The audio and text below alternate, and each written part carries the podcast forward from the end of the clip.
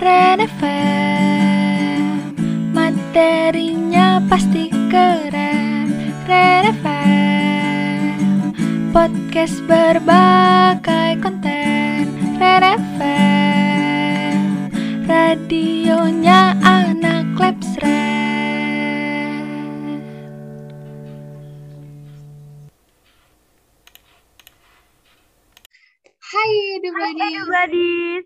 selamat datang di episode terbaru dari Ren FM, radionya anak kelas Ren. Halo, aku Anindita, dan hari ini aku nggak sendiri, aku ditemenin sama partner yang kece abis. Halo, aku Rihana dari podcast khusus OSIS MPK Gastra bidang diklat yaitu EduTalk. Rihana, aku ada presentasi nih besok, tapi nggak percaya diri gitu. Kamu tahu nggak gimana cara ajar public speaking-nya bagus? Aduh, kurang tahu nih. Maka dari itu, hari ini EduTalk akan membahas mengenai public speaking. Nah, kebetulan banget nih, kita kedatangan tamu yang gak kalah spesial, yaitu adalah Giselle. Giselle Eva ya? Bukan dong, beda lagi. Oh, bukan ya? Siapa tuh? Giselle juga, tapi bedanya dari cabang Jakarta. Wah, keren banget sih. Sama-sama Giselle lah ya. Oke, Oke, mari kita sambut Giselle. Giselle. Yeay! Wuhu, hai semuanya. Nama aku Giselle. Aku umur 12 dari sekolah Raffles Christian School di Jakarta. Um, aku kelas 8, kelas atau enggak kelas 2 SMP and I'm super excited to be here today. Oh my god. Don't you know I'm a savage? Heh, salah server. Oh iya, salah ya. Pokoknya selamat datang buat Giselle. Kamu keren banget deh. Iya, oh wow, thank you ya. Oke, oke. Nih, nah Giselle, kita ada beberapa pertanyaan yang mau kita tanyakan nih. Hmm, boleh, Yes, boleh, boleh. kita kepo banget. Dengar-dengar kamu tuh jago banget kan public speaking-nya. Nah, boleh dong spill rahasianya? Tapi sebelum itu kita mau tanya dulu nih. Kenapa sih soft skill public speaking itu harus banget semua orang punya? Hmm, boleh, boleh. Great question. Tapi itu pertama, dengar dari mana tuh?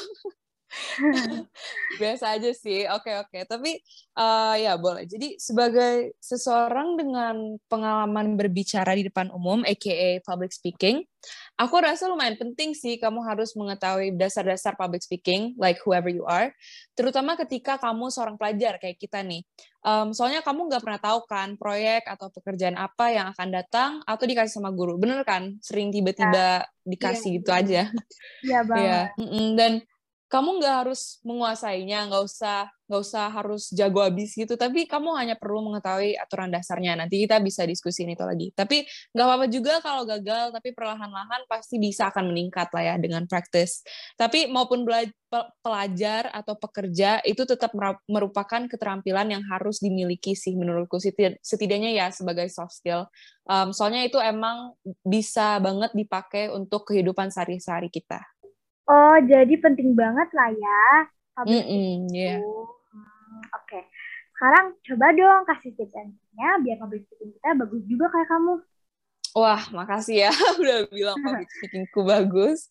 Eh, tapi lumayan sih perjalanannya untuk sampai ke sini. Soalnya ada banyak juga kegagalan dan aku emang dari kecil sih suka tuh MC-MC gitu, tapi emang baru aku seriusin masuk public speaking ke organisasi gitu-gitu baru eh, tahun ini dan em, aku sih pribadi punya tiga aturan dalam berbicara di depan umum kayak public speaking gitu. Kalau aku boleh share, boleh kan? Boleh, boleh banget. dong. Oke, ini bisa lumayan panjang nih, tapi nggak apa-apa lah ya. Oke. Ya, nggak Jadi, apa-apa. Iya. Um, pertama ada audience, kedua ada kepercayaan diri, dan ketiga uh, pesan. Itu itu um, peraturan simple untukku, tapi itu semuanya crucial, semuanya penting banget. Um, jadi untuk eksplor lebih lanjut dengan faktor-faktor ini, pertama ada penonton, audience. Audience kamu itu kontribusi besar banget, ya kan, bagi keberhasilan berbicara di depan umum. Iya. Karena dalam kata itu sendiri, public speaking, yaitu berbicara untuk publik, um, kamu harus mastiin bahwa kamu memiliki audiens yang tepat. Tapi sering kali kita nggak bisa, kadang-kadang lah ya, kita nggak bisa kontrol. Kita audiensnya um, mau siapa soalnya ya public speaking it's for the public it can be anyone. Um, makanya kita harus bisa gimana ya kayak memodifikasinya sendiri gitu. Uh, jadi pastikan apa yang kamu katakan dapat dimengerti dan ini penting banget dihormati oleh publik. Dan pas kamu mengungkapkan pendapat pastikan bisa memberikan alasan biar itu nggak bikin drama apa pun. Karena kan nggak mau dong ya itu terjadi. Soalnya the public they have a lot of opinions. They have a lot of um, arguments too. Jadi to not get into that you have to be respectful juga gitu. Even though you're speaking out your opinion you have to keep in mind your audience gitu. Ya dan uh, abis itu sih audience kamu kemungkinan besar akan memberi umpan balik juga, jadi kayak feedback.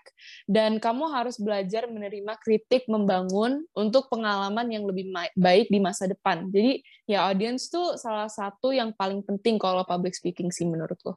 Hmm. Mm -mm. Nah, kedua, nih aku boleh kedua nih ya, ya, ya kepercayaan diri. Oke. okay. Um, kedua ada kepercayaan diri. Gak banyak sih yang bisa dibilang tentang ini, soalnya it's pretty self-explanatory. Uh, hanya kamu harus percaya diri sendiri, itu key banget. Soalnya kalau enggak, sama aja bohong. You're not gonna get yourself anywhere. Mungkin untuk banyak orang menegangkan untuk berbicara di depan umum, bener kan? Kayak uh, bisa aja orang nggak used to it. Iya kan? Ya. Um, terutama dengan audiens yang besar sama audiens yang live. Tapi makanya kamu harus punya support system sendiri. Di mana itu bisa dari ngapain aja? Bisa dari teman-teman kamu keluarga kamu ataupun diri kamu sendiri juga bisa. Pokoknya apa pun yang bisa berkontribusi untuk berasa lebih nyaman biar nanti pas sudah mau public speaking kamu bisa percaya diri dan kamu udah bisa siap gitu. Udah nggak gugup lagi. Nah, akhirnya nih ketiga, pesan yang menurutku paling penting. It's very crucial. Kalau kamu gak memiliki pesan tertentu untuk disampaikan untuk berbicara di depan umum, yang sering, yang yang sering gak mungkin sih, gak ada pesan ya. Tapi kadang-kadang tetap terjadi. Jadi pastikan kamu menghindarinya, kayak jangan menghindari kayak going out of topic. Um, kalau lagi berbicara tentang hal-hal gitu dan pastikan pesan kamu dapat dimengerti dengan um, audiensnya kembali lagi ke poin pertama tadi audience. Jadi benar-benar crucial. Kalau aku saranin sih memiliki pertanyaan dasar pribadi kamu untuk uh, memandu diri sendiri dan menjaga poin pembicaraan tetap sederhana aja jadi simple gitu. Gak usah panjang-panjang biar pasti baca di depan umum bisa lebih natural. Tapi ini juga tergantung orangnya sendiri sih, kayak metode public speaking-nya. Kamu bisa adapsi ke metode sendiri as long as you keep it informative, well understood, and tentunya bisa bantuin diri sendiri. Jadi kalau public speaking tuh, aku rekomend kamu tulis talking points biar nanti pas kamu udah di panggung atau udah uh, live untuk public speaking tuh um, you really know what to say and kamu boleh praktis dulu atau apa gitu tapi yes uh, the point is kamu harus percaya diri uh, uh, anggapin audiensnya juga ya sama pesan pesannya harus clear And kalau bisa tuh kamu ulang-ulangin lagi pesannya, like throughout the entire text, kayak uh, throughout the entire um, public speaking itu dari awal sampai uh, akhir itu awalnya dibilang, tengah dibilang, akhir juga dibilang, biar kayak audiensnya tuh kayak oh dia tuh mencoba uh, samperin ke aku tuh kayak gini gitu. Wih, keren banget sih keren tiga faktor tadi. Emang bagus banget. Audience, percaya diri, dan pesan. Nah, dari mm -hmm. tiga faktor tadi itu, Berarti kamu kan udah pernah praktekin dong ya? Istilahnya kayak mm -hmm. udah berpengalaman gitu. Ada nggak nih pengalaman kamu dalam berpublic speaking yang menurut kamu berkesan banget? Boleh dong hmm. diceritain. Iya dong. Kita kan kepo ya. Iya, kita kan kepo banget nih orangnya. Oh gitu, ya boleh boleh. Oke, okay. uh, eh, jadi ya aku memiliki lumayan lah, lumayan banyak nggak yang nggak sebanyak itu juga, tapi lumayan pengalaman uh, public speaking. Buktinya sekarang aja tuh juga udah bisa dihitung public speaking, tapi itu nggak langsung kan. Ada proses recording, diedit dulu, bisa diulang. Tapi in most cases of public speaking, yaitu yang direct ke live audience ya, itu kamu harus bisa yang namanya impromptu. Tadi aku sempet, kayak tadi aku udah mau bilang itu. Um, uh, mirip ke yang tadi aku bilang tentang um, message, your apa pesan. Uh, nah, di pengalaman aku public speaking tuh semuanya ada impromptu. Impromptu is basically improvisation, improvisasi di mana kamu harus bisa nggak mengikuti script and create the flow yourself. Nah, sekarang aku akan cerita tentang salah satu pengalaman favorit aku dalam berbicara di depan umum. Jadi meskipun aku telah mengikuti dan omong di beberapa webinar mini kayak Instagram Live gitu, favorit aku itu yang paling gede, yang pernah aku ikutin yang paling gede, paling banyak audiensnya, hampir 300 kalau nggak salah. Aku uh, itu um, itu pengalaman yang lumayan gede sih juga, itu one of my first ones. Jadi kayak aku juga ya aku juga takut gitu ada rasa gugupnya gitu. Um, tapi itu favorit aku sepanjang masa adalah webinar The Leading Youth dari Mari Kita Bahas. Dan itu salah satu uh, organisasinya aku Mari Kita Bahas. Um, I'm part of that organization. Um, jadi aku dulu nih sekitar bulan Juli jadi co-head moderator dan sejujurnya pada saat itu tadi aku bilang aku nggak memiliki banyak pengalaman dalam berbicara di public speaking. Um, aku jujur juga lumayan bingung dan dulu sih masih lumayan bingung gitu. Jadi kayak sering kayak eh ini kita ngomongin apa sih? Ini ini kenapa? What happened? gitu kan. Kayak sering ngeblank juga dan just just so you know it happens lah dan secara keseluruhan tuh meskipun itu bukan pengalaman termudah itu pasti yang terbaik um, orang-orang yang bekerja dengan aku sangat baik juga, termasuk Kak Kalisha Chantara, Jurisha Kunze, my head moderator, Nadine Apung, and technical facilitator, Kira Aurelia, dan banyak lagi. Mereka pasti uh, dulu tuh mendorong aku dengan semua energi positif di sekitarnya, dan mereka benar-benar luar biasa supportnya. Webinar itu berlangsung lebih lama dari yang kita kira. Jadi, I low-key had to eat dinner during the webinar, and kayak as a co-head moderator, I needed to have my like face shown, right? Jadi kayak lumayan susah, tapi kayak iya dulu tuh dari jam 7 sampai jam 9 gitu, tapi kan as a co-head moderator harus dari jam 6 gitu udah mulai. Jadi ya lumayan sih kayak and it was quite heavy juga soalnya big audience and all that. Tapi in the end everyone was so supportive, it was so fun.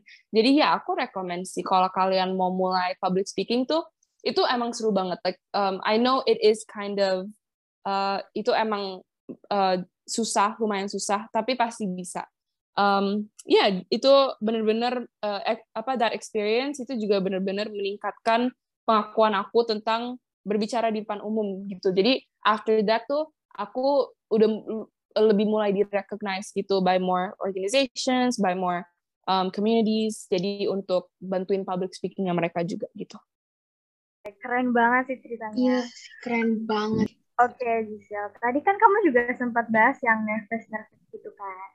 Nah, mm -mm. kan kayak cerita kamu tadi, kalau presentasi kan pasti nervous atau gugup gitu-gitu kan. Mm -mm. Ya tuh, bener banget. Kita kan suka kayak tiba-tiba gugup gitu ya. Mm -mm, ya, yeah, ya. Yeah. Nah, gimana nih cara kamu ngadepin yang namanya gugup? Karena kan gugup itu wajar ya. Hmm. Yes, bener banget gugup itu wajar, wajar banget. Kayak as I mentioned earlier itu tadi tadi I think I've mentioned a few times public speaking tuh lumayan uh, bikin gugup, nervous, nerve wracking gitu lah ya. And it's quite scary juga if you have a big audience gitu.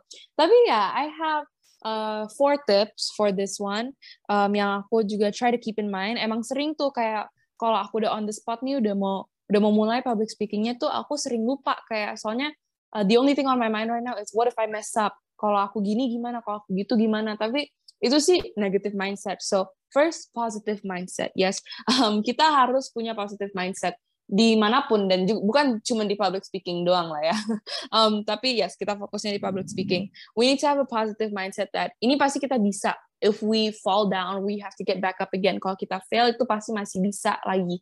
Nah, even though in public speaking you don't get many second chances if it's like live as I said earlier itu pasti kamu bisa juga kayak in some way improv as we uh, discussed earlier pas kita udah bahas ya tadi uh, yeah and then after that tuh support system tadi aku udah bilang. Nah support system tuh bisa dari mana aja? Dari your friends your family or yourself gitu. Um, last time uh, before the leading youth webinar that I just talked about itu I went on a walk to watch the sunset. Dan itu benar-benar membantu banget. Soalnya aku jadi lebih kalem gitu. Suasananya lebih uh, lebih enak gitu lebih calm juga gitu. So it it really calm down my mood biar aku nggak terlalu nervous pas mulai webinarnya. Okay. Third after that itu ada uh, this one's pretty random tapi emang harus sih have water or like fidgeting toy on standby kalian tahu nggak fidgeting toy Kurang tahu. Aduh, aku kurang tahu nih, boleh dong? Hmm, boleh Iya. boleh. Yes, oke. Iya, Pak. Jadi Kan? fidgeting toy itu kayak mainan sih, mainan anak kecil, benar. Tapi itu juga membantu untuk anxiety atau stress, um, kok atau enggak and and nervousness gitu. Jadi um, jadi kalau you know kalau misalkan nih you're really nervous tuh your hands are shaky right, kayak nggak bisa diem gitu uh, tangan. Nah uh, fidgeting toys is like gimana ya kayak it can help with with that kayak it's kayak tahu squishy kan dulu permainan Iya. kita dulu squishy Kalau gitu misalnya kita Yes. kalau gugup gitu kita nge-squish squishy-nya gitu kan. iya kita nge-squish itu iya itu it relieves our anxiety juga Atau gitu kan you just squish it juga gitu. Ada popit-popit itu kalau kita lagi gugup Mm-mm. biasanya suka mainin gitu Iya. kan. iya pokoknya banyak banget lah variasinya banyak banget. Tapi gitu itu itu juga bisa bantu kalau gugup. Nah itu uh, and then what I first mentioned earlier have water on standby itu ya harus lah ya. Kayak if you speak too much tuh lama-lama your throat gets dry and then lama-lama you just don't apa susah gitu ngomongnya susah ngomong lancar. Jadi ya have water at some point tuh minum dulu take a break mulai lagi gitu. Pasti pasti boleh lah ya. Iya, iya. Aku juga lagi minum sekarang. nice okay. Um and then the next one that i have is be calm. Pretend your audience is simply your friends. Now i know ini pasti susah kalau audiensnya gede. Let's say kayak lebih dari uh, 10 orang gitu aja you can't pretend that these people are just your friends gitu. Soalnya um, especially audience if you're like physically seeing all these people gathering just to listen to you like it is kind it's quite scary yeah? Um tapi yeah just pretend your uh, audience is simply your friends and lagi ngobrol seru-seru gitu sama dia sama mereka gitu. Um, and yeah last but not least relating to that one have fun. So be calm and have fun. Positive mindset support system and then also to deal with your anxiety or to deal with your nervousness fidgeting toy water gitu that one's kind of random but it helps yeah Jadi itu semua tuh penting banget, ya kan? Kayak Pak, Mm-mm. support system gitu-gitu, ya kan? Iya. Oke. Wah, terima kasih bisa atas jawabannya dan juga tips and. Yang pastinya berguna banget sih. Sekarang aku, Rihanna, dan juga Edu Badis jadi ngerti dan paham gimana sih caranya public speaking tuh yang baik gimana. Terus juga biar nggak nervous, ya kan? Gimana itu keren banget. Iya, benar Hmm. banget. Ya. Kita jadi dapat banyak banget ilmu nih dari Giselle. Terima kasih banget lah ya Giselle udah mau jadi pembicara kita hari ini. yeah no problem at all an honor to be here Oke, thank you so much. Tapi tunggu dulu sebelum menutup, eh, agak klarifikasi dikit. Em, aku dengar-dengar kamu kan lagi aktif banget ya di organisasi yang kau bentuk sendiri. waduh Iya tuh, boleh dong kasih sedikit aja apa yang apa sih apa aja yang udah kamu lakuin di sana atau ada nggak yang mau kamu sampaikan kepada para edubadis? Hmm, ada sih, ada sih. Keren, keren, keren. Oke. Boleh Uh, banget. yes, so jadi uh, ini exactnya ya, tapi tanggal Februari 2000 eh Februari 2021 tanggal 24 aku sama sepupuku namanya Abigail Hutahayan bikin organisasi yang namanya We Care Jakarta. Itu juga nama Instagramnya at We Care JKT. So go follow it guys. Oke, Um, boleh nih nih biar- langsung di follow langsung ya.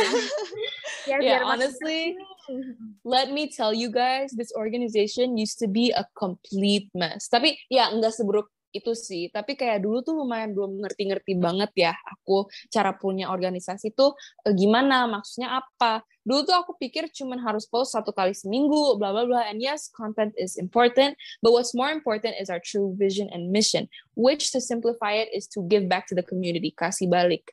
And um, kita pernah kolaborasi sama charity organization yang namanya Love in the Streets. Itu juga Instagramnya namanya at Love in the Streets. And kita sumbang makanan dan masker ke desa-desa atau tempat-tempat berbeda. Dulu kita sempat ke Sunter dan bagi-bagi makanan um, dan masker ke lebih dari 500 penduduk. Dan ini emang itu agak susah, tapi kayak it worked, it happened. So that's one of the things that we did. Um, itu one of our highlights lah ya that really um, reflects on our vision and mission, which to simplify it one more time is to give back to the community. And I'm also going to give exclusive spoilers here. Jadi ini belum di-announce sama sekali di Instagram accountnya We Care Jakarta. Tapi kita mau fundraiser untuk Love in the Streets where we raise money by selling hand sanitizers and tote bags. Um, so all of these merchandises, the profit will 100% go towards charity. And guys, let me tell you, desainnya lucu lucu banget. So stay tuned, guys. Stay tuned. It's gonna be so Oh exciting. God, Keren banget. Jadi pengen beli Mhm. deh. Jadi Iya, deh. Jadi Iya, pengen stay tuned guys. Dikit lagi, dikit lagi, dikit lagi. Oh my Um, Aduh penasaran banget gak sih? Iya, Iya, woy. Honestly, kayak sekarang hand sanitizer-nya tuh lagi ngestok di kamarku, kayak di depan mataku tuh ada tuh, kayak ada di situ. I'm so excited to share it, honestly. Lucu banget. Aduh, jadi pengen ikut dan join deh. oh, boleh. Aduh We're always banget open nih for application, Lihat. guys. Oh my God. finalnya. Mm-mm. Yeah, well, then other than that, we post twice a week. Kita ada uh, topical. Right now, we're discussing about social media, and midweek itu tentang current issues. You know, anything that's happening globally.